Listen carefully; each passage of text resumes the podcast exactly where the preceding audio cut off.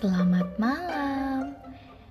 Hari ini Helonik kembali lagi akan membawakan cerita Buya yang Jujur.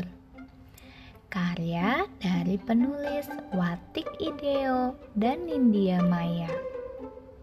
Penerbit PT Gramedia Pustaka Utama Jakarta.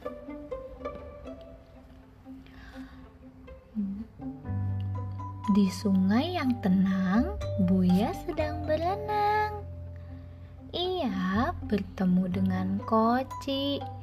Kamu sedang apa? Aku sedang berlatih memanjat pohon. Buya tampak heran. Memangnya bisa? Kata Tupi, aku pasti bisa. Seru Koci dengan yakin. Buya merasa ada yang aneh, tapi ia memilih diam saja. Keesokan harinya, Buya kembali berenang.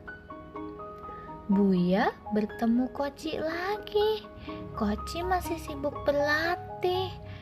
Kamu yakin akan bisa memanjat pohon? Hmm.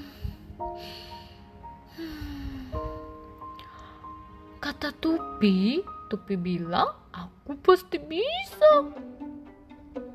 Hmm. Bukankah kamu Buya tidak sampai hati melanjutkan kata-katanya. Seekor kancil kan memang tidak bisa memanjat ya teman-teman ya. Buya kembali berenang, menyusuri sungai. Dari kejauhan terdengar suara.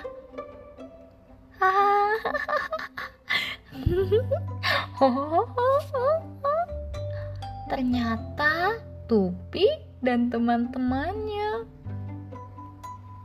Koci benar-benar konyol dia percaya saja dengan saran kita. Buya mendekati mereka.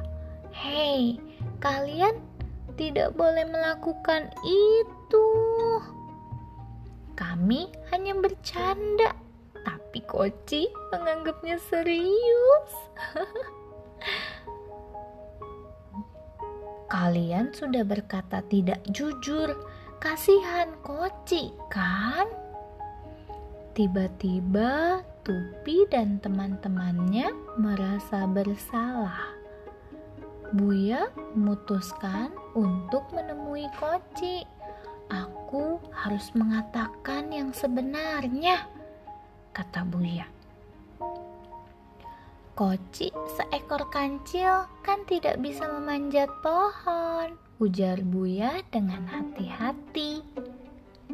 Tapi seekor kancil itu sangat lincah dan pandai berlari. Puji Buya sambil tersenyum. Awalnya Koci merasa sedih, tapi sekarang tidak lagi. Terima kasih Buya kamu sudah jujur kepadaku. Sama-sama Koci, tetaplah fokus pada kelebihanmu, kata Buya. Fakta unik tentang buaya, jenis hewan yang setia.